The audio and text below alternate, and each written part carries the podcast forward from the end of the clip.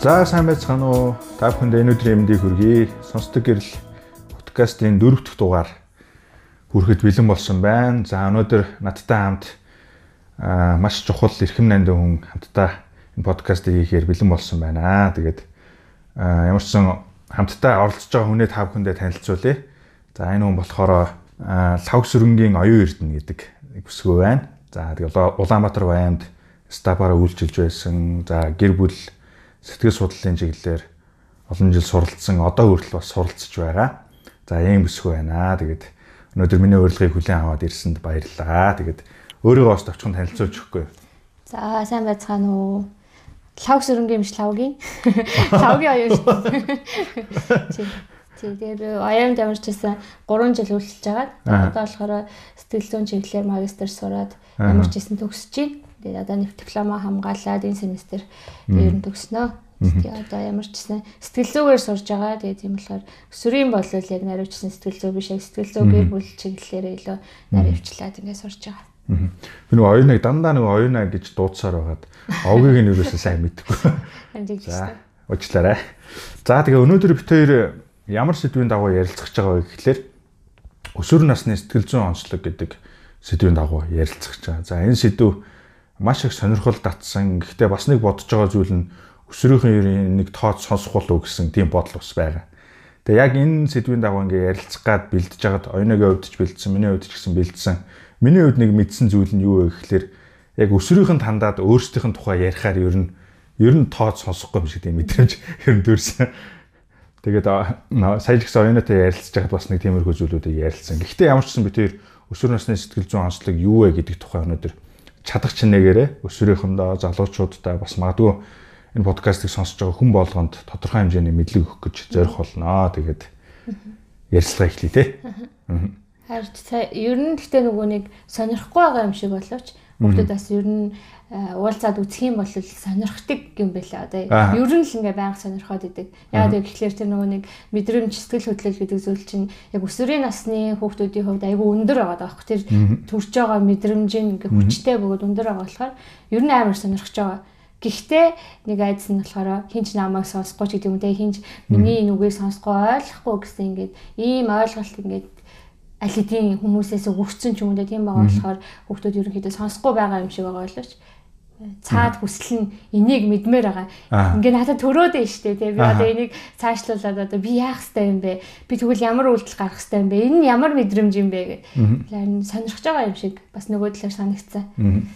Аа тийм бах. Аа миний нөгөө ярих гээд байгаа өнцг нь юу вэ гэхлээр нөгөө нэг өсвөрийнхэн ч нөгөө дандаа нөгөө багш нараас аав ээжээсээ ингээ сонсдог штэ. Тэгэх юм бол яг нөгөө нэг өсвөрийнхнийг яг ойлгох сэтгэл зүгээс илүүгүй илүүгээр нөгөө заах гэдэг тийм сэтгэл зүгээр хүмүүс хандаад ярьдаг учраас ерөөсөө яриа сонсохыг хүсдэггүй юм шиг санагдсан байхгүй. Тийм учраас яг энэ өнцгөөс нь би ярьсан. Түүнээс манай өсвөрийнхэн бүгдээ маш их мэдхийг хүсэж байгаа юм. Тэгээ би бас өсвөрийн пэйж хуудсан дээр ингээ санал асуулга явуулсан л та. Тэрэн дээр За өсвөр насны сэтгэл зүйн онцлогийн тухай хэрэг мэдхийг хүсэж байна. Та нарт ямар асуултууд байна гэсэн чинь айгүй их олон комментүүдтэй. Тэгээд доороос нь би яг ингээд энэ одоо яах вэ гэсэн маш олон асуултууд байсан. За тийм болохоор яг тэр талаас нь болвол манай өсвөрийнхэн маш сайн сонсноо гэж найдаж байна. За тэгээд хоёлаа хамгийн эхнийхээ асуултанд оръё. За за мэдээ сэтгэл зүйч сэтгэл зүйн талаар сурж байгаа хүнтэй ярилцж байгаа учраас бидэрт маш тодорхой бас бидний мэдэх ёстой зүйлүүдийг хэлж өгнө гэж найдаж байгаа. За тэгээд өсвөр насны сэтгэл зүйн онцлогийн тухай хамтдаа ярих эхлэв. Тийм ямар ч хэлсэн нөгөө би сэтгэл зүгээр сураад ингээд ерөөсөө удааг байгаа учраас одоо яг яг яг ийм тийм гэдэг өнцгөөс хэлхээс илүүтэйгээр одоо яг өөрийнхөө сурсан хэмжээнд л ингээд бас тодорхой хэмжээнд ингээд мэдлэг өгөхийг хүсэж байгаа шүү. Тэгэхээр бас ингээ ойлгож сонсож аваарэ. Аха. Тэгээд ямар ч гэсэн нөгөө нэг хүний одоо ингээ наснуудын онцлог байгаа дээ тий. Одоо баг төр нэраа нэраа гэдэг баг насаа эсвэл өсөр өсөр насаа эсвэл яг яг одоо яг насан турш байгаа нас ч юм уу тий. Ингээ нас бүрийн ингээ онцлог байгаа. Тэгэхээр энийг бас ингээ манайхан бүгдээр амар сайн ойлгоод тий тэр дундаа ингээ өсвөрийн нас гэдэг зүйл бол яг энэ наснуудын ингээ онцлогоос аваад үзэх юм бол өсвөрийн нас гэдэг бол хамгийн яг нөгөө мэдрэмж гэдэг зүйл сэтгэл хөдлөл гэдэг зүйл ингээ хамгийн өндөр хөгжиж байгаа. Нөгөө тархины хүний тархийг ч гэсэн ингээ судлаад үзсэн те. Ингээ хамгийн өндөр хөгжиж байгаа. Яг ингээ бүр нөгөө нэг бүрлдэж эхэлж байгаа, төрж эхэлж байгаа гэдэг тийм нас ингээ байгаад байна л та. Тэгэхээр За уучлаарай төр яригч таслая. За би чамайг ярьж явах явцад ингээд яг мэдмээр байгаа зүйлээ асууж магадгүй шүү. Тэгэх юм бол чи надад хариулж өгье за. За. тэгээ яриаг уучлаарай. Тий тэгээд сая түрүү асуусан шүү дээ. Сэтгэл зүй мэдрэмж гэж зүйл юу байна гэдэг. Тэгээд өсвөр насны бай эсвэл ер нь бусад өөр насны хүмүүс ч гэсэн одоо мэдрэмж гэдэг сэтгэл хөдлөл гэдэг зүйлийг болохоор сайн муу гэж ингээ ялгаж ойлгоод байна л да. Одоо ингээ одоо уур хөх юм бол энэ муу мэдрэмж те. Баярлах юм бол энэ сайн мэдрэмж те. Ингиж ингээд ойлгоод байна л да. Гэхдээ хүнд энэ мэдрэмж гэдэг зүйл болохоор сайн муу гэж юусоо тийм ялгаа байхгүй. Зүгээр мэдрэмж гэдэг бол зүгээр л бидний хүн төрөлхтний төрөлхийн зүйл байхгүй. Чөлөөтэй. Одоо энэ ингээ цаанаасаа гарч иж энэ нь ирүүл гэсэн. Энэ уурлах мэдрэмж те ингээд энэ гомдлох мэдрэмж үзэн ядах бүр цаашлаад те эсвэл бүр баярлан хөөрөх жаргах юу гэдэг энэ бүх мэдрэмжүүд чинь бүгдээрээ зүгээр юу гэхлээр төрөлхийн байнга одоо ингээ хүмүүст байх хэрэгтэй зүйл байхгүй. Угасаал бүх хүмүүст байх хэрэгтэй. Энд ч одоо илэрчиж л энэ хүн ирүүлэн гэсэн үг байхгүй юу? Ерөөсөө энэ дэлхий дээр ууралдаггүй хүн гэж байхгүй шүү дээ. Тэгээ үзэн яддаггүй хүн гэж байхгүй. Тэгээ харин юуг ялгах хэрэгтэй гэхлээр мэдрэмж сэтгэл хөдлөл Тэгээд энэний гараад байгаа үр дүн энэ хоёрыг л хүмүүс аймарсаа ялгаж ойлгох хэрэгтэй. Тэгэхээр юу гэхлээр мэдрэмж сэтгэл хөдлөлт болохоор сайн муу гэж зүйл байхгүй. Тэгээд энэ нь болохоор ингээд амархнаар би ингээд жишээ авах юм бол одоо Монгол хэмэл жирлийн дөрөв үлрэлтэй шүү дээ. Яг энтэй адилхан гэж. Одоо хавар 100 намар өвөл хавар 100 намар өвөл ингээл энэ ингээл ээлжтэй явдаг шүү дээ. Тэгээд хаварт нь одоо салхитай бороотой юутай гэдэг цастай тий. Яг ингээл явж байгаатай адилхан ингийн зүйл байхгүй. Тэнгууд өвөл цас орохгүй байх юм бол энэ нь болохоор бас жоох утгагүй шүү дээ. Тэгэхээр юу гэхээр хавар цэцэг дэлбэлдэг. Энтэй л адилхан зүйл одоо. Уурлна, тэрний дараа баярлна, хөөрөн гуниглна. Юусэн ерөөсөө л ингээл давтамжтай хүний амьд байнгын байнгын байна гэсэн. Ерөөсөө энэ бас нь одоо ингээд 70 80-тай хүний хувьд ингээ асуугаад үзэх юм бол тий. Гэсэн уурлаг өнгө гэж байхгүй, үзээ адаг өнгө гэж байхгүй ч тий. Тэгээд тийм болохоор энэ болохоор сайн муу гэж үзүүл байхгүй, мэдрэмж сэтгэл хөдлөл сайн муу гэж үзүүл байхгүй. Харин эцсийн үр дүнд нь гаргаад байгаа үйлдэлт нь харин сайн муу гэж зүйлээ. Намайг одоо хөнөөгөөд тий. Хортуулаад тий. Намайг гимтээгээд байгаа тийм үйлдэлүүд байна гэсэн. Тэгэхээр манайха одоо мэдрэмж сэтгэл хөдлөл энэний үр дүнд гаргаад байгаа үйлдэл хоёроо л ингээ амар сайн ялгаад авчих юм бол тий. Яа энэ мэдрэмжээс болоод би муу үйлдэл хийгээд байгаа юм биш тий. А энэ мэдрэмжээс болоод би сайн үйлдэл хийгээд байгаа юм дээ. А энэ нь надад сайн зуршил өгж штэ. А энэ надад муу зуршил өгж штэ тий. Энийг ингээд ялгаад ойлгочих юм бол илүү одоо ингээд хүүхдүүдэд амар төхөн болох байх гэж байна. Аа яг зөв. Би нэг юм асуумаар санагдлаа л да. Сая чи сэтгэл зүй мэдрэмж сэтгэл хөдлөл мэдрэмж гэдээ ярьсан шүү дээ. Энэ хоёр нь маань нэг зүйлийн тухай ярьж байгаа. Тийм энэ болохоор нэг зүйл гоо. Тэгээ шинэ манай Монгол болохоор сэтгэл зүй гэдэг зүйл болохоор ингээ сайн хөгжөөг байна л та. Тэгэхээр нөгөө нэг яг тогтсон тэр үг хэллэг ингээд болохоор алах. Одоо хөгжилтэй орнуудын хувьд болохоор за энэ энэ үгийг яг сэтгэл хөдлөл гэж хэлнэ. Энэ үгийг яг мэдрэмж гэж хэлнэ гэдэг шүү дээ. Тэгвэл манайхт болохоор яг тийм нөгөө нэг тогтсон тойл хүчиг гэдэг зүйл байхгүй учраас энэ хоёрыг ингээд давхар ярьж өгч хүмүүс ингээд ойлгоод байгаа. Тэгээд зарим хүмүүс болохоор ялгаатай гэж үзээд байгаа. Зарим хүмүүс болохоор нэг гэж үзээд байгаа. Тэгэхээр миний хувьд болохоор айл айл нэг ингээд ингэж ярьж ич хүмүүс ингээд айл айл ингээд нөлөө ойлгох юм болоо гэж бодоод учраас хамтлаад байгаа. Тэгээд ерөнхийд нь нэг гэж ойлгож байна. Зөв. Тэгээд э, би өсрийнхөндөө бас нэлээд удаан ажилласан. Тэгээд бас ингээд хүмүүсээ ингээд ажиглахаар ер нь бүх насны хүмүүс угаасаа яг адилхан байдаг юм шүү гэсэн тийм бодол надад байдаг байхгүй. Одоо жишээлбэл би одоо ингээд өсвөрийнхөнтэй ажилдаг мөртлөө одоо би айлд энэ 30 гараа явж байна. 31 2-тай ингээд явж байгаа. Тэгээд би өөрийнхөө сэтгэл зүг заримдаа ажигладаг. Дөнгүүд яг л яг өсвөр насныхантай яг үндэ ялгаагүй сэтгэл зүйн үйлдэлүүд гаргадаг. Заримдаа би ууралмаа санагдаж байгаа, ууралдаг. Заримдаа би маш баяр хөөртэй болдог. Заримдаа би айгүй тийм илий балаа үйлдэлүүд хиймээр санагддаг. А гэхдээ урд нь би яадаг байсан бэ гэхээр энэ тэр илий балаа үйлдэлүүдийг би хийж болохгүй байна гэж бодоод байсан. Харин сүүлийн үед ингээд хэрэг сэтгэл дотор явах тусмаа би өөрийнхөө сэтгэл хөдлөл мэдрэмжийг ч гэсэн ил гаргах ёстой юм байна гэдэг тухай би суралцсан. Тэгээд эрэнгүүтээ сүүлийн жилүүдэд би зориудаар нэг тиймэрхүү зүйлүүд хийдэг болсны дараа яаж байгаа вэ гэхэл би илүү эрхчлөөтэй болж байгаа юм шиг санагдсан байхгүй.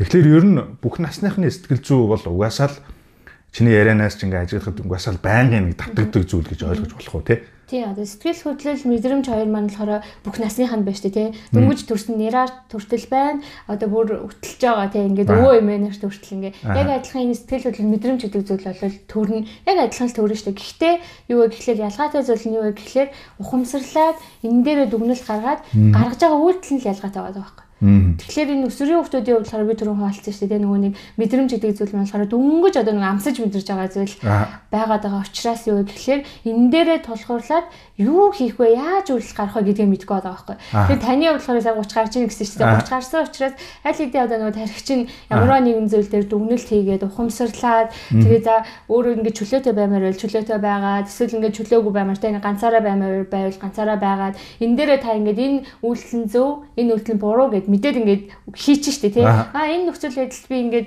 юу яаж болно би чөлөөтэй тий. Одоо ингээд бүжиглж болно гэж бодож байгаа. Тэгэнгүүт гэхдээ та хадам ээж аавын хажууд очиж үжиж үжиж ингэж чадахгүй шүү дээ. Тэрнтэй та тэгэхээр чи энийг ингээд өгнөд ухамсарлаж байгаа шүү дээ. Ингээд одоо өсрөө хөвтөж болохоор тийм байхгүй гэсэн үг байхгүй. Би тэгээ хаана юу одоо сургууль дээрээ очингуудаа би одоо уурлаж болохгүй гэдэг ч юм уу те бүжгэлж болохгүй гэдэг ч юм уу те би хичээлээ суух хэрэгтэй. Гэсэн тийм одоо энэ дээр ингээд ухамсарлаад дүгнэл гарахт нь жоохон хэцүү байдаг гэсэн үг байхгүй. Тэгэхээр ингээд хоёр ялгаа юм байна л да. Мэдрэмж нь яг адилхан. Мэдрэмж нь бол адилхан байна. Гэхдээ нөгөө хумсгалах тарих тархины хөгжил нь ялгаатай байгаа даа учраас энэ дээр нь одоо манай өсвөр хүмүүсийг жоохон дэмжиж өгөөд тэр мэдрэмжүүдийг хүлээж авч өгөөд аа нэр эн чинь би ч гэсэн өсвөр насн дээрээ энэ зүйлийг мэдэхгүй л байсан шүү дээ. Дөнгөж хамсаж мэдэрч байсан шүү дээ. Гэт ойлгоод ингээ бас өгөх хэрэгтэй гэж би болол ингээ бодоод байгаа. Ваа, яг зөв. Би чиний ярианаас яг нэг зүйлийг ойлголоо л да. Ер нь яг томчууд бол яг хизээ яг ямар үйл гаргахгүй гэдгээ мэддэг шийдвэр гаргалт нь арай жоохон агсан төвшөнд л очдөг юм байна. Түүнээс ч тэр мэдрэмжүүд тэр байдаг зүйлүүд бүгдээрээ л хэвэндээ байдаг юм байна гэж ойлгож болно гэсэн үг шүү дээ.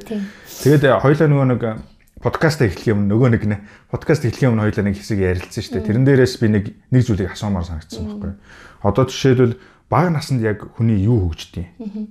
Тэгээд яг өсвөр насн дээр одоо мэдрэмж гэж яриад тэр хэсэг хөгжиж байна. Тэгвэл тэрнээс хойш яг юу хөгждөг гэдэг ч юм уу. Яг энэ үйлчлэлийн тухай нэг жоохон хуваалцаж өгөөч. Аа. За нөгөө нэг юу ажилтаа нөгөө нэг эрдэмтэн болгон сэтгэл зүйн судлаачтай сэтгэл зүйч болгоод ингээ эрдэмтэд болгоо өөр өөр авч өөр өөрөөр авч үзэж ин л та. Тэгэнгүүт миний хувьд болохоор ингээд ялангуяа одоо бид нар ч итгэж хүмүүс шүү дээ. Тэгэхээр нөгөө нэг Эриксоны Эрик Эриксон гэдэг нэг сэтгэл зүйч байгаа байхгүй юу. Тэгээ тэнгууд энэ эрдэмтний хувьд ингээд яг авч үзсэн зүйл нь бидний нөө нэг ихтгэлтэй ерөнхийдөө айгу ойлгоод байгаа байхгүй. Тэгээ бас ингээд айгу тус дэмтэй байгаад байгаа. Тэгэхээр юу гэхээр энэ эрдэмтэн болохоор ингээд 6 үе шатанд ингээд хуваагаад аваад үзсэн байгаа. Тэгээ тэнгууд хөвлөд байх уу гэж байгаа байхгүй. Хөвлөд байх уу Тэгээ тэнгуут яг одоо нөгөө нэг хөгчин бүрлэж байгаа тийм ингээд ихэнх хөвлөд байгаа энэ үеийг хэлж байгаа байхгүй. Тэгээ тэнгуут энэ үед нь юу хөгжиж байгаа гэсэн үг. Энэ үед нь юу хөгжихөөс илүүтэйгээр хүүхдийн хүүхэд талаад ээж хоёрын ингээд нөгөө сэтгэл санаа, оюун санаа ингээд хамт холбогдож байгаа. Тэгэхээр хүүхэд яхаа гэхээр ерөөсөө ээж юу мэдэрч чинь тэрүүгээр дамжуулаад хүүхэд ингээд мэдэрч байгаа. Нийгэмтэй танилцж байгаа. Юу гэхээр бүх нийгэмтэй танилцах энэ үйл явц нь ээжээрээ дамжуулж байгаа. Ээж нь ууралж гинөө, хомдж гинөө, баярлж гинөө тий. Эсвэл сэтгэл санаа нь ямар байна? Юу бодож чинь тий. Энэ зөртэй ингээд холбоол хүүхдийн нэг сурж байгаа. Ерөөсөө л ингээд ээжтэйгээ холбоотой гэсэн. Тэгээд Дараа нь яг хөө гэхлээр нялхнаас гэж төрснөөс 18 сартай. Яг энэ хооронд байна. Дөнгөж төрөөд дэлхий дээр мэдлээд 18 сар хүртэлх энэ үеийг нь одоо 2 дахь үе гэж хэлээд байгаа байхгүй юу? Жил 6 сар гэсэн үг шүү дээ. Тэрийг нялхнаас гэж нэрлээд байна. Тэгээ энэ үед нь болохоор хүүхдүүд яг хөө гэхлээр ээжээсээ бас ингээд айгу тийм аюулгүй байдлыг мэдэрч идэг. Аа. Одоо ингээд ер нь одоо тэр нэрээ өгчөв хөхөө хөхөн тэгээ ээжтэйгээ хамбан штэ. Тэгээ ээжтэй ингээд ээжийнхаа биеинд хүрл хурж арсанд нь хурж одоо мөөмөө хөхөж ингэснээр дамжуулах хүүхэд юу гэхлээр ээжээсээ тэр аюулгүй байдлыг мэдэрч байгаа. Аа энэ дэлхий дээр чинь би аюулгүй амьдарч болох юм биш үү? Аа энэ дэлхий ч ерөөсөө энэ ээж гэдэг хүнд итгэчмээр те цаашлаад энэ нийгэм дээр чи итгэмжтмээр итгэчмээр тийм ингээ аюулгүй нийгэм юм байна штэ. Гэдгийг юм аюулгүй байдлыг итгэлийг хүлээж авч байгаа. Тэгээ тэнгуү тэрний дараагийн насны үе нь болохоор 18 сар байсан шүү дээ. 18 сараас 3 нас хүртэл. 3 нас хүртэл юу гэж байгаа гэхээр ахлах үе гэж байгаа байхгүй. Тэгээ энэ үед нь яадаг вэ гэхлээр хүүхдүүд ерөөсөө нөгөө нэг биеэ даасан чадварт ингээд суралцахыг хүсдэг. Би би гэдэг хөхтэй гэдэг шүү дээ. Би өөрөө хий, би хий, би хий гэдэг шиг тий. Тэгээд яах вэ гэхлээр биеэ дааж чадчих واخ. Тэгээд энэ хүүхдэд үед нь болохоор нөө би хий гэж байгаа үед нь хийлгээд өгөх юм бол яг гэхээр хүүхэд бие даасан чанартай болно. Тэгээд өнгө зарим ээж нь төгшөөж байгаа шүү дээ тий. Аав ч юм уу ээж ч юм уу хоол ингээс өөрт нь ингээ хийгээд өгчмөр тий. Гэрээ заваарлахгүй. Тэгээ өөрөө гэс хоолыг өгчмөр ингээм бол аль алиндаа амар гэж бодож байгаа. Тийм бол яг гэхээр хүүхэд бие даасан чадваргүй болно. Ичгүүр гэдэг зүйлээс ингээд үүсэж байгаа гинэ. Тэгээд тийм бол яг гэхээр хүүхэд нөгөө нэг өөртөө ихтэй биш болно гэсэн үг. Тэгээд өөртөө итгэлгүй, өөртөө эргэлздэг хичгүүрийг аа би хийж чадахгүй юм байна. А би хийж чадахгүй байгаа болохоор надаар хэлэхгүй байгаа юм байна гэдэг яаж аахгүй. Тэгээ тэрний дараагийн нас нь сургуулийн өмнөхнөөс одоо цэцэрлэгийн нас 3-аас 6 нас. Тэгээ энэ насн дээр хүүхэд ингээд сонирх юм сонирхч идэг.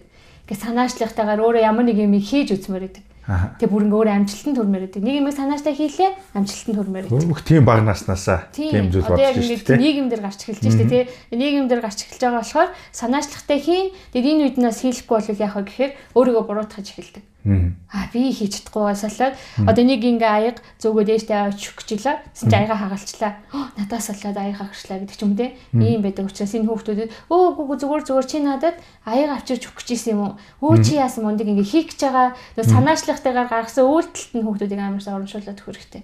Өө чиний гар чингийн ингэж сэтгээд надад ээжтэй туслах аяга авчирсан чи яасан мундаг юм бэ? Өө өстө гэд нөө үйлдэлт нь биш. Одоо гарсан үр дүнд нь биш. Хүүхэд аяга гарсан чи яга аяга гарчтай юм бэ? Би өөрөө шүү дээ биш те. Тийм байх хэрэгтэй да. Ерөөсөө энэ тийм учраас энэ үеийн ингээ амар чухал. Тэгээ одоо нөгөө манай 6-аас 11 нас чинь бас ингээ манай одоо ярилцаад байгаа сэдийн гол насны хүүхдүүд ээ дээ тий. Тэгээд 12-аас 18 нас гэж явж байгаа байхгүй юу. Тэгэхээр 6-аас 11 насны болохоор бага насны одоо нөгөө хичээл зүтгэл гараа хичээлээ сайн хийх ч юм уу те ийм хичээлээ хичээл ямар нэгэн зүйлийг хийлээ, үр дүн төрлөө. Тэгээ тэндээс шалтгаалаад бас мэдрэмж нь ингээд мэдрэгчээдэг. Тэгээ энийг чадахгүй бол өөрийгөө дорд үздэг. Би бусдаас өөр юм байна гэдэг ч юм те. Эцэг их чинь одоо чи яагаад муу аваад байгаа юм бэ? Хүүхдүүд амар харьцуулж үздэг штэ. Танай ангийн тэр онд сураад ах чинь чи яагаад аа өсгөө сураагүй бэ өсгөө сураагүй. Тэр чи айлын бүх хүсгээ сурцсан байлаа гэдэг ч юм те. Тэнгүүд хүүхдүүд юу вэ гэхээр аа би бусдаас өөр юм байна. Өө би энэ хүүхдийн дээр гарч чадахгүй би дор гэд өөрийгөө дорд үздэг болтой. Тэгээ одоо яг нөгөө манай ярих гэдэг сэдэ энэ бол өмнөх насны байна шүү дээ. Арай өмнөх насна. Тэрний дараагийн нас нь болохоор яг манай нөгөө нэг 12-оос 18 насны өсвөр насны хүүхдүүд ээ. Тий. Тэгээд энэ өсвөр насны хүүхдүүд нь болохоор яах вэ гэхэлэр нөгөө яг бие хүн бүрэлдэж байдаг байхгүй. Тэгээ ингээ нөгөө бүх мэдрэмжинтэй ингээ өөрөө ухамсарлаад би одоо цаашдаа айгүй боддог зүйл нь юу вэ гэхэлэр би цаашдаа юу хийх вэ? Одоо нөгөө нэг сургуулаа төгсчөөд юу хийх вэ? Ямар мэрэгчлээ болох вэ? Ирээдүйн тухай айгүй санаа. Ирээдүйн рүү айгүй их төвлөрсөн, төвлөрсөн те тэгээд ингээ санаа зовсон. Тийм нас байгаа даахгүй. Тэгэд ингээд айгүй их санаа зовдөг би ирээдүйдээ ямар мэрэгчлээ болох уу, яах уу, ийх үү гэдэг айгүй санаа зовдөг учраас яах вэ гэхлээр энэ үед нь дэмжиж өгчээж хүүхдүүд одоо айгүй ихтгэлтэйгээр өөрийнхөө ирээдүйг төвлөлөөжтэй ингээ мөрөөдөж чадна. Тэгээ энэ үед нь за чи яаж ерөнхийлөгч болж чаддیں۔ Тэгээ ерөнхийлөгч болно гэсэн мөрөөдөлтэй чи яаж ерөнхийлөгч болохын зүгээр өөртөө таарсан одоо юмыг мөрөөд гэх юм бол хүүхэд яах вэ гэхлээр өөртөө эргэлзэж өөрөө өөртөө итгэх итгэл нь буурдаг. Тий. Жохо удаа ярьчлаа гэдэг ямар ч гэсэн амар чухал ингээд үед болохоор ингээд ямар ч гэсэн тайлбарламаар санагдлаа. Тий. Тэгэхээр ямар ч гэсэн манай одоо яриад байгаа сэдвийн хүүхдүүдийн маань болохоор ингээд онцлог юм байгаад байгаа учраас те. Ирээдүйд агиух санаа зовж байгаа байхгүй. Ингээ аав ээжтэй тусалчмаар сайн мэрэгчлээ болчмоор сайн хүн болчмоор те. Ингээ айгүй олон зүйл ингээ санаа зовж хиймээр байгаа учраас энэ хүмүүсийн э, санаа санаж байгаа бодож байгаа зүйлээ гаргах хэрэгтэй. Аа. Гаргаж иж зэгцрэх байхгүй одоо ингээ. Аа. Би чи энийг мөрөөдөд байгаа юм штэ би энийг хийж чаддаг юм штэ гэд тийм бай. Тэгэхээр сая эцэг эхчүүд рүү айгүй хандчлаа тэг ингээд энэ хүүхдүүд рүү айгүй их ингээ яаж өгөөрэ тусалж өгөөрэ сонсож өгөөрэ гэдэг. Харин өсрөө хүүхдүүдэд бол хэлмээр байгаа зүйл нь юу гэхээр сайн хуваалцаарай гэж ингээ хэлмээр. Аа бусдаа хуваалцах хэрэгтэй тийм. Яа тэгэхээр та нар чи ингээ айгүй их юм ингээ бодоод байгаа шүү дээ тий. Айгүй их юм санаа зовоод байгаа. Тэгээ нөгөө мэдрэмжүүд нь хажуунаас нөгөө мэдрэмжүүд амир их намайг ингээ дарамтлаад байгаа. Тийм ингээ айгүй олон мэдрэмж мэдрээд байгаа. Мэдэрч үзээгүй мэдрэмжүүдийг шинээр мэдэрч үзээд байгаа. Тэгэхээр яхаа гэхэлэр одоо энэ хүүхдүүд маань ярих ярьж иж амнаасаа гаргаж иж энэ зэгцрээд байгаа байхгүй а би чи ийм мэдрэмж мэдэрсэн энэс болоо хэцүү болсон юм ба штэ гэж өөрийнх нь дотор нөгөө оюун санаанд нь бодол санаанд нь бүх юм ингээд зэгцрээд те ингээд буцаад байрандаа ороод цаашдаа алхах дараагийнхаа шат руу алхах тийм хүчтэй болоод байгаа байхгүй тэгэхээр яхаа гэхээр хамгийн сайн одоо ингээд хөр хэлмээр байгаа зүйл нь хамаагүй ичиж санаа зовхгүй байр ингээ хуваалцсан. Юу ч гэсэн зүр тэнийг юм гэж одоо ингээ хүмүүс ч бодож байгаа шүү дээ. Би ингээ ярьчих юм бол хүмүүс одоо намайг тэнийг очих дээ, мангарг очих дээ, энээс илүү ингээ чадахгүй гэж бодчих дээ гэж юусаа санаа зовх юм байхгүй. Зүгээр л хэвээр юу бодно тэр бүх зүйлээ ингээ хуваалцсан. Аа. Тэр бүхэн ирэх юм нандин. Аа маш чухал хэрэгтэй юмнууд ярьж байна л да. Тэгээд Э, миний нэг боддог бодол байдаг байхгүй. Одоо ингээд бид нар чинь ингээд нэг сурганы арга барил ингээд байж та Монгол хүмүүс хандсан. Бид нар бидний аав ээж социализмын үед өссөн тий. Тэгээд одоо бид нар яг арслал дээр ингээд өсөж байгаа одоо тийм одоо би чинь 30 таа Одоо Монголд ч одоо 2020 он болж байна. Арчлах 30 жил. Тэгэх юм бол ингээд өөрсдөлт ингээд жоохон бий болохгүй л яваад байгаа үе байгаа байхгүй. Тэнгүүд яг хөвчлэн нөгөө нэг одоо яг өсвөр насны дээр явж байгаа хүүхдүүдийн эцэг эхчүүд сургууны арга барил нь өөр учраас энийг ингээд ойлгуулж ярилцахдаа алдаа гаргаж байгаа талууд байгаа. Тийм болохоор би миний хувьд өсвөрийнхөндөө хандаад юу гэж хэлмээр байгаа гэхэлэр та нарын аав ээж ямар орчин нөхцөлд өссөн бэ гэдгийг та нар нэг удаа жоохон бодоод үзээрэй. Тэгээ хүүхдүүдтэй би ингээ ярилцсангууд яг тэгдэг байхгүй аав ээж намайг ойлгохгүй байна. Миний эргэн тойрон ингээ намайг надад заагаа зөвлөөд өгч хүн алга тий. Тэгээд ингээд яагаад намайг мэдэхгүй байгаа юм Гэтэл яг үүндээ тэр хүмүүс маань өөрсдөө тийм арга барилаар хүмүүжчихсэн. Тэгээд бас нийгэмдэр нэг ийм юм байгаад байдаг штеп. Бүх юм төгс сайн байх хэрэгтэй. Тэ? Тэгээ чи сайн байж аж гоё олны танил болно. Чи ингээ бусдын өмнө айгүй сайн байх хэрэгтэй. Тэгээ хамгийн сонирхолтой нь бүр цуглаан дээр хүрэлт гэж байгаа чи цуглаан дээр айгүй гоё яг ингэж суух хэрэгтэй гэдэг ч юм уу те баг багаас ингээ ингээ зэх байх хэрэгтэй. Бидгийн ингээ хүний өмнөөс юм ярьжээ гэдэргээл те. Тэгээд юмгууд яг энэ өсвөр насны дээр ирэхээр ингээ нэг нэг дэлбэрдэг юм шиг те. Нөө тэр хүн чинь ингээ нэг өсвөр насныхаа маань яг нэг өөрийгөө нэг олох гээд явж байгаа тийм үе гэж ойлгоод байгаа шүү дээ. Мэдрэмжүүд нь ингээд энд тэндээс нь хатгаад тэгээд зарим нэг мэдрэмжүүдээ гарахгүйгээс болоод ингээ нэг гүн гүнзгий тийм дарамтанд ороод тэгээд нөгөө нэг яморох одоо яадаг чинь те ганцаараа байх гэдэг нөгөө муу тал руугаа нэг жоохон хитрхи үйлдэл тал руу явчих гэдэг тийм. А гэтэл чиний харианаас би юу гэж ойлгож байгаа гэхээр тэгээ би бас өөрийнхөө дуртаас юу гэж бодож байгаа гэхээр сайн муу бүх зүйлүүд угаасаа байх ёстой. Зөв тий. Тийм учраас чи өөртөө өөртөө байгаа мэдрэмжүүдийг зүгээр сайхан илэрхийлэх хэрэгтэй. Чи заримдаа магадгүй олонний дунд ингээд инээж болно. Заримдаа ингээд жоохон сэтгэл дундуур байгаагаа илэрхийлж болно те. Гэхдээ хамгийн чухал нь хоёулын гэж өнөөдөр ярих гэдэг зүйл нь үйлдэл те. Эцсийн үр дүн нь ямар байх вэ гэдгийг л сайн бодох хэрэгтэй гэж ярих нь зөв те. Тий. Тэгээ нөгөө дахиад нөгөө санаалмаар байгаа зүйл нь юу гэхэлэр сайн муу мэдрэмж гэж ингээ юусаа байхгүй шүү гэж санаалмаар байгаа байхгүй юу? Бүх мэдрэмж адилхан. Зүгээр л яг адилхан мэдрэмжэл гээд ингээ хүлээгээд аваасаа гэж хүсэж байгаа байхгүй. Тэгээ тэнгууд ямар нэгэн жоохон гонигтай ч юм уу те айсан ч юм уу те эдгээр мэдрэмжүүдийг эсвэл хүнийг үзэн атсан ч юм те мэдрэмж мэдхээр яагаад байгаа гэхлээр өсвөрийн маань хүүхдүүд муу мэдрэмж гээл те. Тэнгүү те муу мэдрэмж би мэдэрсэн учраас муу хүүхэд гэж бодоод байгаа байхгүй юу. Тэгэхээр та нар өрөөсөө одоо ингэж те ингээ муу мэдрэмж гэж байхгүй. Та нар одоо хин нэгэнд уурлаа, гомдлоо. Жишээ нь одоо миний яриад байгаа мэдрэмжүүдийг хүмүүс хөвчлээ муу мэдрэмж гэж яриад байгаа болохоор би онцлоод байгаа байхгүй юу. Тэгэхээр үзээ адлаа. Тэг эдгээр мэдрэмжүүдийг мэдрэнгүүтээ би өрөөсөө юм муу мэдрэмж мэдэрчлээ. Тэгээ би уг нь бол ингээ сайн хөхөд болмоор байгаа шүү дээ. Тэнгүүд ингээ муу мэдрэмж мэдэрчлээ. Тэнгүүд муу хөхөд. Гэт Тэгэнгүүтээ муу хүүхэд учраас би одоо ийм муу үйлдэлүүдийг ингээ хийнэ гэсэн одоо өөрөө тэгж бодохгүйсэн ч гэсэн цаад ухамсар нь ингэж ойлгоод ингэж ятгаад байгаа байхгүй. Чи муу хүүхэд учраас одоо энэ муу үйлдэлүүдээ хий гэд тэ. Тэгэнгүүт урамшуулмаар байгаа зүйл нь юу гэхээр ямар ч мэдрэмж мэдэрсэн байсан муу биш ээ. Тэрийг харин зөвл ингээ гаргая шүү. Таны ярьдаг шиг ингээ үйлдэл нь тэ. Эхлээд ингээ тайвшруул эхлээд өөрийгөө тэр мэдрэмжүүдийг мэдэрснийхаа дараа.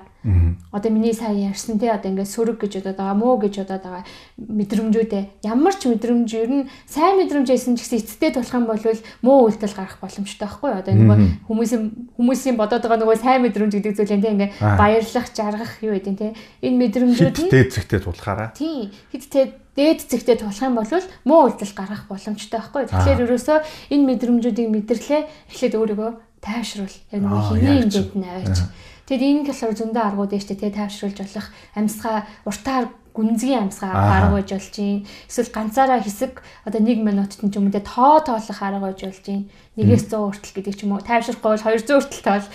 Болохгүй бол хүрд унш те ингээ ерөөсөө өөрийгөө тайвшруулах аргууд болоос ингээ байж болж юм. Тэгээд дуу сонсож болж юм те өөрийгөө тайвшруулах бидний итгэж хүмүүсийн хувьд болохоор магтан дуу сонсож болж юм эсвэл хөгжим тоглолтын хүүхдүүдийн хувьд хөгжмөө тоглож болж байна. Дуулах дуртай хүүхдүүд дуулж болж байна. Тодорхой хэмжээнд тухайн үед уурлаа, гомдлоо гэс одоо нэг цохоод аммаар байгаа тий. Цохоод аммаар байгаа, ашгармаар байгаа энэ үедээ гэс гүнзгий амьсгаа авчих.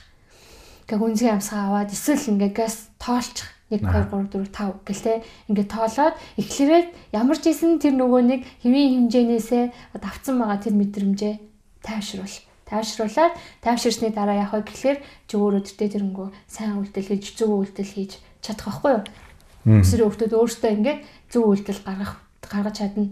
Тэгээ тэрэнгүү хүмүүс муу үйлдэл хий те буруу үйлдэл хий бусдад муухай харагдъя гэж бодохгүй штэ. Өсвөрийн хүмүүс ч гэсэн тэгж бодохгүй штэ. Албаар хин нэгнийг зодох ч юм уу дээрлэх тийм үйлдэл ингээ гаргахгүй байхгүй юу. Тэгэхээр энэ мэдрэмжүүд чинь бүгдэнд нь шалтгаан гэж байгаа. Учир шалтгаан гэж байгаа. Энэ мэдрэмж үйлдэл гаргаад байгаа ингээ учир шалтгаан гэж байгаа байхгүй юу. Тэгэхээр ерөөсөө энэ мэдрэмжүүдээ мэдэрлээ. Эхлээд ямар ч гэсэн тайвшруул. Тэрнийхээ дараа ч өөрийнхөө итгэж найдаж байгаа хин нэгэн дээр очиод те арай нэг өөрөөсөө амьдралын туршлагатай тийм ингээд энэ мэдрэмжүүдийг ойлгох, ухамсарлаж чадах тэр хүн дээр очиод хуваалц итгэл итгэдэг багш ч юм уу те. Тэгээ эцэг гэх нь одоо ингээ миний сонсож байгаагаар бол аав ээж нь ойлгохгүй хүүхдээ зөндөө байна. Тэгэхээр ээж аав нь завгүй ч юм уу те. Тэгээд одоо нөгөө амьдралынх нь хэв маягаас болоод эсвэл нөгөө амьдарч ирсэн өссөн одоо тэр орчин нөхцлөөс нь болоод те. Ингээ хүүхдүүд чинь эцэг их чинь сонсож чадахгүй бол одоо эргэн тойрон чинь та нар бидний үеийг бодвол те нөгөө цуглаанд яваад ингээ багш нар өсвөрийн хүүхдүүдийн төлөөх ингээ багш нар аягүйх байж тээ. Тэгэхээр бид нар бол хуваалцъя гэсэн чи багш нар байхгүй байлаа. Бидний аав ээж чигээ адилхан шүү дээ. Тэгээ өөртөө одоо ингээ тэмцээд аа энэ чинь чухал юм байна штэ гэд бодсон учраас мэдсэн учраас буцаад ингээ өсвөрийн хүмүүстэй хэлж өгмөр байгаа. Тэгэхээр одоо энэ хэлж өгмөр байгаа зүрх сэтгэлтэй итгэж ах нартэй ах эгч нар багш нартайгаа ингээд хандаад хуваалц. Тэр хүмүүс та нарт ингээд нэг амар сайн зөвлөгөө өгч чадахгүй ч болно л да. Гэхдээ та нар өөрсдөө энийг амнаасаа гаргаад хуваалцснараа дамжуулаад яхаа гэхээр юу яаж цэгцэрж чинь бодол санаа чинь зүрх сэтгэл чинь тайвширж чинь тэг хүн чинь зүрх сэтгэл нь тайвшир тайвширч байгаа бол зөв үйлдэл гарах боломжтой болчих жоох. Та нар өөрсдөө дээрэн өсрөө өөртөө зөв үйлдэл гаргах тэр ухамсартай зөв бурууг ингээ ялгаж чадна тэгэхээр санаа зовлтгүй зүгээр. Итгэж найж юм дээр хуваалц. Миний хувьд болохоор өсрийнхэн маш ухаантай юм шиг санагддаг. Маш олон зүйлүүдийг ингээ боддог. Би одоо ч гэсэн ингээ 30 гарч байгаа ч гэсэн өсвөрийнхнээс аягүй их зүйлийг суралцдаг. Жишээлбэл би сүүлийн үед өсвөрийнхнээс юу суралцж байгаа вэ гэхээр өөрөөхөөрөө байх гэдгийг би суралцж байгаа. Тэгээ өсвөрийнхэн би өөрөөхөөрөө баймаар байна гэж ингээл амар ярьдаг шүү дээ. Гэхдээ яг үүндээ ингээд миний өсвөр насыг миний өсвөр нас өнгөрөө тэгээ одоо би ингээд 30 настай өөрийгөө харах юм бол би маш олон зүйлээр өөрийгөө хэлбэржүүлэх гэж оролдсон. Тэгээ ялангуяа нөгөө нэг зөв байх хэрэгтэй гэдэг тэр зүйлээс болоод. Тэнгүүтээ заримдаа би ингээд гаргамаар гоо сэтгэл хөдлөлүүдээ ерөөсө гаргаагүй. Тэгээд би өөрөөрөө байх гэдэг үнцнийгаа жоохон алдсан юм санагддаг. Харин өсвөрийнхэн ухаантай учраас тэд өөр өөрсдийнхөө байх гэж хичээдэг. Гэхдээ нэг л зүйл байгаа тийм үү? Одоо нөгөө нэг өсвөрийнхний хувьд одоо яг мэдрэмж мэдрэмж нь аягүй өсөж байгаа тэр цаг үе. Тийм учраас та нар энэ мэдрэмжээс битгий тий. Харин шийдвэр гаргах тал дээр та нарын тарих одоохондоо арай өсөөгүй байгаа. Тийм учраас битгий санаа зовоорой. Харин гэхдээ яг энэний үр дүн юу байх вэ гэдгийг л сайн бодох хэрэгтэй л гэж зөвлөвөл сайн бах те. Одоо хоёлаа ярианыхаа өнцгийг жоохон өөрчлөе. Хоёлаа сая ер нь нэг асуулт асуугаал ер нь маш олон зүйлүүдийг ингэ ярьсан. Ер нь ярьж хуваалцмаар байгаа амар зөндөө болохоор яварчсан. Домбраагүй байсан ч гэсэн айгүй их юм ингээд. Одоо ингэ ихэлснээс хойш аль хэдийн ингээд 28 минут амар хурдан өнгөрцөн байгаа байхгүй. Тэгээ одоо би юун тухай ярилцмаар байгаа гэхээр итгэлийн тухай ярилцмаар. Тэгээ Библиэлд Библиэлд байгаа итгэлийн баатруудыг ажиллах юм бол дийлэнх нь өсвөр насн дээр байсан гэж ярьдаг байхгүй. Одоо жишээлбэл хамгийн ойрын жишээ одоо жишээл Авраам, Яаков, Исаак одоо хэн байдгийг те бүгдээрээ л яг өсвөр насн дээр байсан. Тэгээд наашлал бол Эстер, Давид тэгээд Есүс Христийн 12 дагалдагчийн баг 80 90% нь өсвөр насн дээр байсан гэж ярьдаг байхгүй. Тэгвэл тэр хүмүүс яаж амжилттай байж чадваа гэдэг нэг асуулт. Тэгээд Тэгээ энэ тухай би бас жоохон ярмаар байна. Тэгээ тэрнээс өмнө би оюунагаас бас нэг асуулт асууя. За. За. Чиний хувьд өсвөр насны дээр мэдээж байсан. Миний хувьд ч байсан. Харин тэр үед хамгийн сайн зөвлөгч чинь хэн байсан бэ? Тэгээ дээрэс нь чи итгэвч болсноороо дамжуулаад тэгээ энэ нь яг тэр зүйлд чинь чамд хэрхэн тусалж исэн бэ гэдэг асуулт гэсэн. Тийм. Биний хувьд болохоор өсвөр наснда бол би итгэвч байгааг байхгүй. Аа. Тэгээд харин нөгөө нэг хуу хүний зан чанарын онцлог гэж ингээ байгаа дээ тий. Тэгээ миний ер нь би бол тэгээд байгаа төрөлхийн ингээ зан чанар болохоор ингээ аяг хүмүүстэй ярилцах гэсэн байхгүй. Тэгэхээр өсвөр насны дээр болохоор манай аав яг ингээд өнгөрсөн байхгүй. Тэгээ тэгэнгүүтээ яасан бэ гэхээр багаасаа хүнтэй ярилцах айгуу дуртай байсан. Тэр ингээд сургууль руугаа алхаа явж байгаад ингээд танихгүй үнтэй тий. Таарлсан хүн рүүгээ инээж байгаа л амар гоё инээнгүүт нөгөө нэг надаас жоох ингээд ахмад хүмүүс байгаа штэ тий. Ах агаа ана нар юу гэхлээр айгаа өхөрдөд. Тэгэд ингээд над руу ирээд юм ярьдаг гэсэн аахгүй. Тэгэд ингээд юм яриад. Тэгээ би ингээд нөгөө босод хүмүүстэй жоох хөөхтэй байна уу? Надаас ах байна уу? Эсвэл өвөө юм байна уу? Хамаагүй би ингээд ярих айгаа дуртай хөхтэйсэн аахгүй. Тэгээд би амар сайн ярилцдаг байсан Юу одоо би бол санахгүй л л та. Гэтэ би ингээ бүр нөгөө гэрлүүгээ хайрж явж байгаа л те ингээ өвөөнөр ч юм уу имэнэр сууж их юм бол хажууд нь очиж суугаад тэгээл ингээ яриад байдаг гэсэн бүр гэртээ харахаас нэг юм уу хоёр цаг ингээ бүр ингээ яриа суудсан байдаг гэсэн. Аахгүй нэг үед хүүе хойлоо чин цай аваач хувааж уухаар болсон байж те. Одоо миний хөө одоо хайр гэдэг ч юм уу те. Эсвэл бүр гудам гудамжинд ч юм уу эсвэл нөгөө нэг замын давгаа алхаж байгаа ч юм уу те. Ингээ ийм хүмүүстэй очиод л ингээ ярьчдаг гэсэн.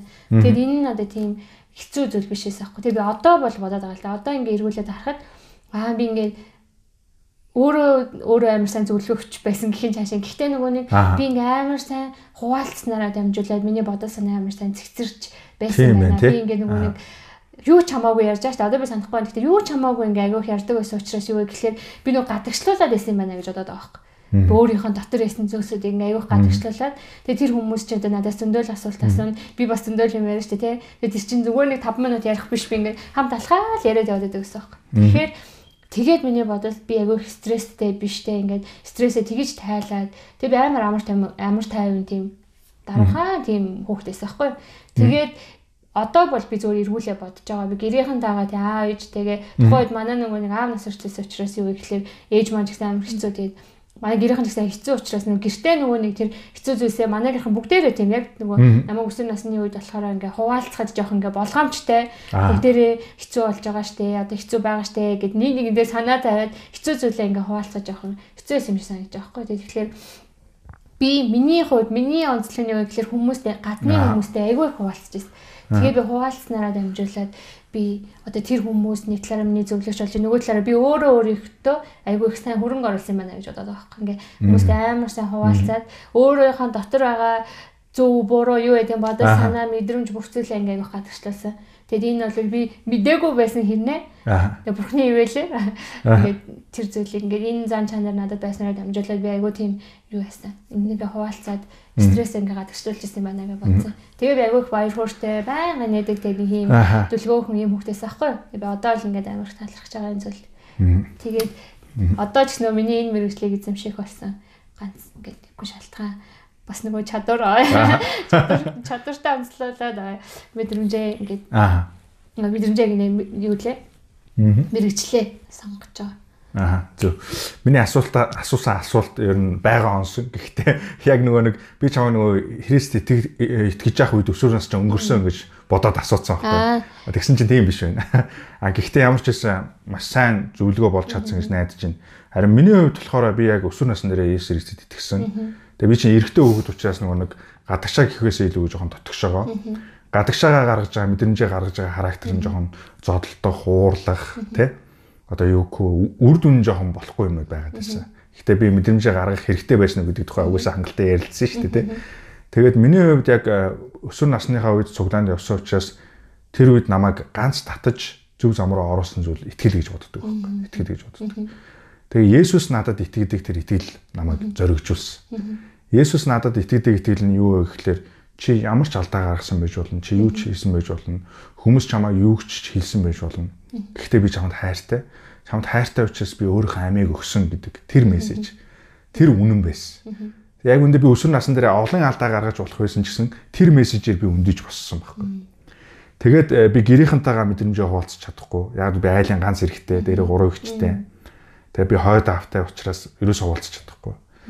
Тэгээд э, эрэгтэй хүүхдүүд ингээд найз нөхд байна гэдэг чинь бас нэг асуудал واخгүй юу? Вэ гэхэлэр хамаагүй тийм юм аа бас яриад иж болохгүй. Өөрийнхөө сул сул талыг юу ч ингэ харуулад иж болохгүй. Эрэгтэй хөхт учраас. Тийм учраас яг уу аль болох би бол лаг гэж харагдах хэрэгтэй шүү дээ тий. Тэгэхээр би яг тэр тэр тэр найзуудаа бол би мэдрэмж хуваалцах чадахгүй. Харин би хинт хуваалцах чадчих байгаа гэхэлэр цорын ганц амьд өршөж тэр бурхандаа л хуваалцах чадчих.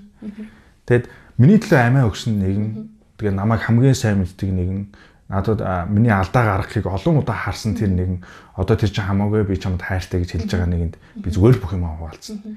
Би өөртөө гоё өөлн тэ эзнэм очоод бурхны өмнө очоод зайлбарахтаа өөлн. Тэгээ би ирээдүйд хиймээр байгаа зүйлээ би ярина. Тэгээ дээрэс нь бас яг өсвөр насны дээр би маш их санаа зовлтууд байсан. Би ирээдүйд яг ямар болох бол одоо би яг яах гээд байгаа юм бол гэд бүх мэдрэмжүүд надад байсан. Харин нэг том даваа тал нь би бурханд бүх зүйлээ хэлсэн би одоо ингэж юм манай гэрийнх надаа ингэж хандж байна. Миний найзууд ингэж хандж байна надаа. Гэхдээ та намайг мэдж байгаа шүү дээ. Би ийм болмоор байгаа штэ гэд. Тэгээ миний мөр байгаа зөвлөгөө юу вэ гэхээр Христ сэтгэл өсөр насныхан байвал бурхантай илүү их цагийг өнгөрөөгөр магадгүй хин нэгэн та нарыг ойлгохгүй л. Тэгээ хамгийн сайн одоо нөхөрлөж болох тэр нэг нэг олоорой найзууд чинь. Тэгээ өсвөр насн дээр маань цуглаанд явж байсан манай найзууд бас надад аягүй тусалсан байхгүй. Тэгээ тэд нар хамтдаа хийж байгаа зүйл нь өөртлөө өөр. Хамт гоё сагс тоглоно, нийгмээс одоо нөгөө нэг хит одоо нөгөө нэг муу муухай зүйлээс хол байлгасан намайг. Тэ? Мэдээч бүгдээрээ өсвөр насн дээр байсан учраас янз янз зүйлүүдийг хийсэн. Гэхдээ үнэхээр том давуу тал болж байсан. Тийм болохоор би подкастыг сонсож байгаа өсвөрийнхөндөө юу гэж хэлмээр байгаа вэ гэхээр та нар бурхантай илүү их цагийг гаргаарай гэж хэлхийг хүсэж байна. За тэгээ хоёулын гэж яриа угаасаа нэлээ урт болчлаа. Тэгээд подкастаа энэ үрдэл яваад ямар ч хэсэн дуусгая ганц хоёр зүйлийн тухай ярилцаад магадгүй хэлмээр байгаа ганц нэг зүйл дээр ахиж нэмж хэлээд. Тэгээ ер нь хоёулаа ахаад нэг дугаар бас хийсэн зүгээр юм шиг надад санагдлаа. Тэг би нөгөө нэг өсвөр насндаа ингээд итгэж болоогүйсэн ч гэсэн. Тэ одоо одоо энд одоо хүрээд итгэж болоод би 10 хэдэн жил болоод эннийхээ үр дүнийг харах юм бол э, тэгж бодож байгаа байхгүй. Одоо нөгөө нэг яг өсвөр насндаа тэр нь ингээд намайг аварсан байна да гэж ингээд бодож байгаа. Ингээд хүмүүстэй хуваалцдаг байсан. Тэ тэнгүүд итгэснийхаа дараа би болохоор 20 настай итгэсэн байхгүй тэгээд итгэснийхаа дараа юу болж байгаа гэхлээр яг таны ингээ хуваалцсантай адилхан тэ ингээ бурхан дээр ирээ би аюу олон тийм нөгөө нэг мэдрээгүй мэдрэмжүүдийг агиох гоё мэдэрсэн. Аа. Оо ийм мэдрэмж юу болт юм уу? Эн чинь ямар гоё мэдрэмж вэ те? Бурхан минь ийм мэдрэмж надад байсан юм уу? Гэд тэг ингээ бүр нөгөө хүнийг хайрлан өрөвдөн тэгсэл ингээ баярлаа жинхэнэ баяр хөөр гэж юу юм бэ? Тэг нийгэм дээрх биш те жинхэнэ баяр хөөр гэж юу юм бэ? Гэдэг мэдрэмжүүдээ би ялгаж салгасан аа эн чинь хайрлах мэдрэмж юм бэ? Аа эн чинь баярлах мэдрэмж юм бэ? Тэг ингээ бурхны дотор эн чинь нэгүсэх мэдрэмж юм бэ? А энэ чи уурлах мэдрэмж юм шүү дээ. Энд чи үзээ ядах мэдрэмж юм. Ингээ бүгднийг ялгаж сурсан байхгүй. Одоо жишээ таны хэлдэг шиг бурхан дээр ирээд уйлн, гомдлон бүх мэдрэмжээ үннээсээ ингээд бүр хилцсэн. Бурхан минь би тэрний уур үрээд байна, үзээ ядаад байна. Тэ эсвэл бурхан минь үе ямар гоё юм бэ? Ийм баяр хөөр гэж байдаг байсан юм уу? Би бүр итгэж болоод нөгөө нэг далайд би далай дотор байгаа. Тэгээ далай өөрөө баяр хөөр. Аа. Ийм мэдрэмж авч байсан. Вау. Тэгээ жинхэнэ аа жинхэнэ баяр хөөр гэдэг чинь энэ юм байна штэ Гүн хязгааргүй лээ. Жинхэнэ гэдэг зүйл чинь гэж нэг юм байгаа шүү дээ. Яг тэр зүйл чинь юм байна шүү дээ. Миний нөгөө дэлхий дээр мэдрээд байсан те одоо нөгөө юу гэдэг дуу сонсохтой ч юм уу эсвэл гоё амттай хоол идэхдээ би ингээ баярлж байгаа шүү дээ. Энтэй чинь харьцуулшгүй юм шүү дээ. Бурхан минь та яасан агуу юм бэ? Гэт тэгээд би бүр ингээ амар нэгдүгээр шоконд орж байгаа. Хоёрдугаарт мэдрэмжүүдээ ингээ анх нөгөө нэг тэр мэдрээгүй гайхамшигтай мэдрэмжүүдийг мэдэрч байгаа. Тэгээ одоо ингээ явах тусмаа яаж байгаа гэхлээр би улам илүү ялгаж салгаж сурж байгаа Тэгээд тэрний дараа яаж байгаа гэхлээр би аа зөв үйлдэлийг харахыг хичээж байгаа. Би ч гэсэн хичээж байгаа. Тэгээ тийм болохоор тэрний дараа бурхан юу хүсэж байгаа юм бэ? Бурхан тэгвэл э, таны хэлсэн шиг тийм ингээ библийн баатруудаар библийн түүхүүдээр бурханы үгээр дамжуулаад бурхан тэгвэл энэ үед ууралсан юм шүү дээ. Ууралсны хадараа ямар үйлдэл гаргасан юм. Тэгээ тэгвэл би бас яаж болох юм? Тэгээ бурхан бас наваг урамшуулж байгаа. Чи чадна те. Чи энэний дараа чамд хичнээн хэцээсэн ч гэсэн чи даван гарч чадна Яагаад вэ гэхлээр би чамайг нөгөө далай дунд хайрлсан тэр хайр болоо тэр баяр хөөр чинь урдын адил чамд байгаа. Яагаад гэвэл урдын адил байж чам тэр хайраараа тэр баяр хөөрөөр чамайг дүүргэж чаа, тэр нэгүслэр дүүргэж чаа, тэр ивэлэр дүүргэж чаа. Тийм болохоор чи даван гарч чадна. Ингээ бурхан агааг урамшуулж байгаа наа хэцүү мэдрэмжүүдийг авах хүн хэцүү болно шүү дээ. Энэ амар хэцүү. Өсвөрийн хүмүүсийн юу хэцүү байхгүй юу? Одоо нөгөө томчууд болохоор юу гэж бодоод байдаг гэхээр өсвөрийн хүмүүсийг нөгөө мэдрэмж мэдрэхээр өөртөө даваа гарцсан болохоор Оо наа чи юу ч биш гэж бодоод байгаа байхгүй юу? Одоо эргүүлээд тий одоо бидний 30 хүрчээд эргүүлээд харахад тэрний их ингээд юу ч биш юм шиг санагдаж байгаа. Гэхдээ бид нар одоо хэцүү болж байгаатай адилхан л их тухайн хүмүүсийн хэцүү болж байгаа тэр хэмжээний адилхан гэсэн үг байхгүй юу? Тэгэхээр яг л тэр хэцүү болж байгаа мэдрэмжийг бурхан ааг урамшуулж байгаа. Чи давж гарч чадна. Яагаад тэгэхээр бичний гарнаас яриа чамтай хамт байгаа гэж тийм таны хэлж байгаа шиг тэр байсан баггүй өсвөр наснда бишээсэн ч гэсэн тэр ингээд би 20 наснаас эхлээд одоо хүртэл ингээд бурхны тэр суралцаад явж байгаа. Тэгэхээр уршуулаараа зөвлөн өсвөр насндаа байвал бүр л илүү сайхан штэ тий. өмнө байвал тий. Ингээд 20-оос өмнө ингээд илүү жоохон бахтай илүү залуу бахтай энэ зүйлийг бурхны тэр мэдрүүл гайхамшигтай штэ тий. Тэгэхээр харин нэг уршуулмаараа зөвлөн бурхны өмнө шудраг байж л эдгээр зүйлийг ингээд мэдрэх боломжтой. Өмнөөсөө тий. Шударга байгаагаараа хуваалцчихж бурхан а бурхан хүлээж авд юм байна бурхан уучлалт юм байна бурхан хайрлалт юм байна гэдэг мэдрэмжүүдийг илүү гүн гүнзгий мэдрэх боломжтой учраас адилхан надтай хамт над шиг тань шиг тийм мэдрэмжүүдийг сонсож байгаа хүүхдүүд маань бүгдээрээ мэдрээсэй гэж хүсэж байгаа. Аа. Окей. За тэгээд ямар ч байсан хамгийн сүүлд нь би дуулал 139 дугаар бүлгийг уншиж өгөхийг хүсэж байна. Тэгээ энэ бүлэг дээр бурхан биднийг хэрхэн яаж бүтээсэн тухай тэгээ бидний мөн чанарын тухай бичсэн гэж миний хувьд ойлгож байгаа. Тийм болохоор би та бүхэнд дуулал 139-ийг эхнээс нь дуустал уншиж өгье. Тэгээд өнөөдрийнхөө нэвтрүүлгийг дуусгацгаая. Аяа эзэн та намайг судлан намайг мэдлээ. Миний сууж босхийг та мэддэг бөгөөд хаа холоос санаа бодлоодыг минь ойлгодог. Та миний зам мөр хийгээд хөвтхийг минь наривчлан үзэж, замнал бүрийг минь сайн мэддэг. Хилэн дээр минь ганц үгч байхаас өмнө харагтун эзэн та бүгдийг мэддэг. Та хойноос ба урдаас минь нөмрлөж миний дээр мутраа тавьсан. Мэдлэг нь надад дэндүү гайхамшигтай. Өндөр бөгөөд би түүнд хүршихгүй билээ. Таны сүнснээс би хаашаа одох вэ? Эсвэл таны оршихугаас би хаашаа зүгтэх вэ? Хэрв би тэнгэр өөд очивол та тэнд Хэрэг би өгсдийн оронд орд ирээ засвал харагтун та тэнд үүрийн гэгээгээр жигүүрлэн далайн хамгийн алсын хэсэгт суувал тэнд ч таны мотор намайг өдөрдөж баруун мотортой надаас суурна. Хэрэг би харанхуй үнэхээр намайг нөмөрнө. Намайг хүрээлэгч гэрлэн шүн гэвэл харанхуйч танд харанхуй биш бөгөөд шүнч өдөр мэт гэрэлтэн. Гэрэл харанхуй адил юм. Учир нь та гидс дотрыг минь хэлбэржүүлж эхийн минь хөвлөд намайг бүрдүүлжээ. Би аимшигтай болоод гайхамшигтай бүтээгдсэн тул танд талархал өргөнө. Таны үйлс гайхалтай бөгөөд сэтгэл минь ч сайн мэднэ. Намайг нуус дотор бүрлдэж, газрын гүнд урнаар шаглагдаж байхад ч яс минь танаас нууцлагдаагүй. Төрхөө олоогүй хүүрэл байхад минь таны нүд харж л байсан. Надад тогтоогдсон өдрүүд болоогүй байхад бүгд таны номд бичигдсэн байжээ. Аяа бурхан минь надад хандсан таны бодлоод хичнээн нандин бэ. Нийлбэр нь хичнээн их вэ. Би тэдгэрийг тоолбол тэд эзний ширхгээс даван гарна. Сэрэгтэйч би тантай хамт билээ. Аяа бурхан минь. Та буруутуудыг хөнөөх болтугай. Тиймээс цусд хүмүүсээ надаас холдог тун. Учир нь тэд таны эсрэг баширыг ярьж, таны эсрэг нүглийн өчр өөрсдөө өргөмжилдэг. Аяа эзэн, таны үзен ядагчдыг би үзен яддаггүй гэж юу? Таны эсрэг босгочдыг би жигшдэггүй гэж юу? Би төөлийн үзен ядалтай тэдний үзен яддаг. Тэд найснууд дайснууд минь болов. Аяа бурхан, намайг судлан зүрхийг минь мэдээч намайг шалган бодлоодыг минь мэдээч. Миний дотор хөнөөлт зам буюу эсхийг харж мөнхийн замаар намайг удирдаач ээ гэж хэлсэн. Амен. За тэгээд баярлалаа. Өнөөдөр хатан хамт ярилцсан. Оюунада маш их баярлалаа. Тэгээд хоёлаа ахаад бас энэ тухай өргөжлүүлээд ярилцъя те.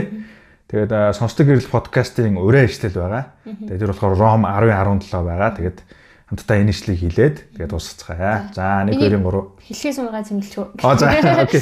Тийм. Яарс нөгөө нэг хэрвээ энэ нөгөөний подкастыг сонсоод ингээ цоолон бас ингээ уулзмаар байгаа хүмүүс би Монголоос явхаасаа өмнө яварсан 7 8 сард явах. Тэгээд явхаасаа өмнө бол ингээ цоол хийдэд өгчтэй уулзаж болно. Тэгээд тийм учраас ингээ яг тийм нөгөө түрүүний хэлсэн шиг аав ээжтэйгээ ингээ хэлсэн чинь ингээ намайг ойлгох байгаа. Тэгээд ингээ хэцүү байгаа даа хүмүүс цоолон байх юм бол ингээ хийдэд өгчтэй уулзаж болох учраас ингээ холбоо барьж болно. Тийм онцгой. Вау. тий яа тэгэхээр миний зүрх сэтгэлээс ингээд тэр өсвөр хүмүүсийг ойлгомоор байгаа учраас зүгээр үнгөө те боломжийг ингээд ашиглах хүмүүс байвал их биштэй хэдэд онцгой хүмүүстэй ингээд уулзаж байна. Тийм болохоор хөвчлэн холбогдож болно шүү. За баярлаа. Маш гоё. Маш гоё санал байна шүү. За тэгэд Ром 10 17 хэлээд хамтдаа өнөөдрийнхөө подкастыг дуусгая. За. За. За 1 2 3 аа итгэлэн сонсохоос сонсох нь Христийн үгээс ирдгээ. Баяртай. Баяртай. Дараагийн дугаараар уулзцгаая. Дараагийн дугаараар уулзъя. Бай.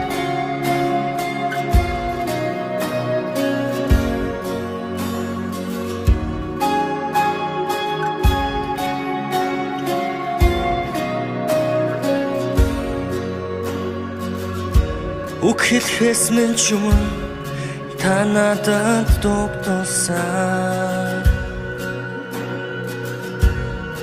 Та надад дэндүүсэн ханддаг Амсгал авахаас ч юм та надад ам өгсөн Та надад энэрэнгүй байдаг хинжээшгүй хизээж дуусахгүй бурхны агуулхай намайг олтлоо бууч өгдөггүй цоцсошгүй агуухан хүртэх хэрэггүй би огт зохисгүй гэвч та өөрийгөө Оо хинжээшгүй хизэж дуусахгүй Бурхны агуухан yeah.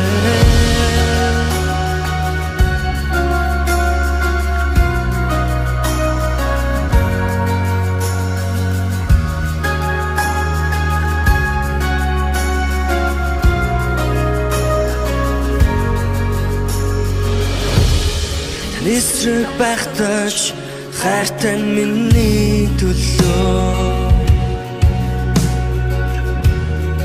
Та надад дэндүүсэн ханддаг. Үнцэнгүй байхад та бүгдийг төсөн Та надад энэрэнгүй байдаг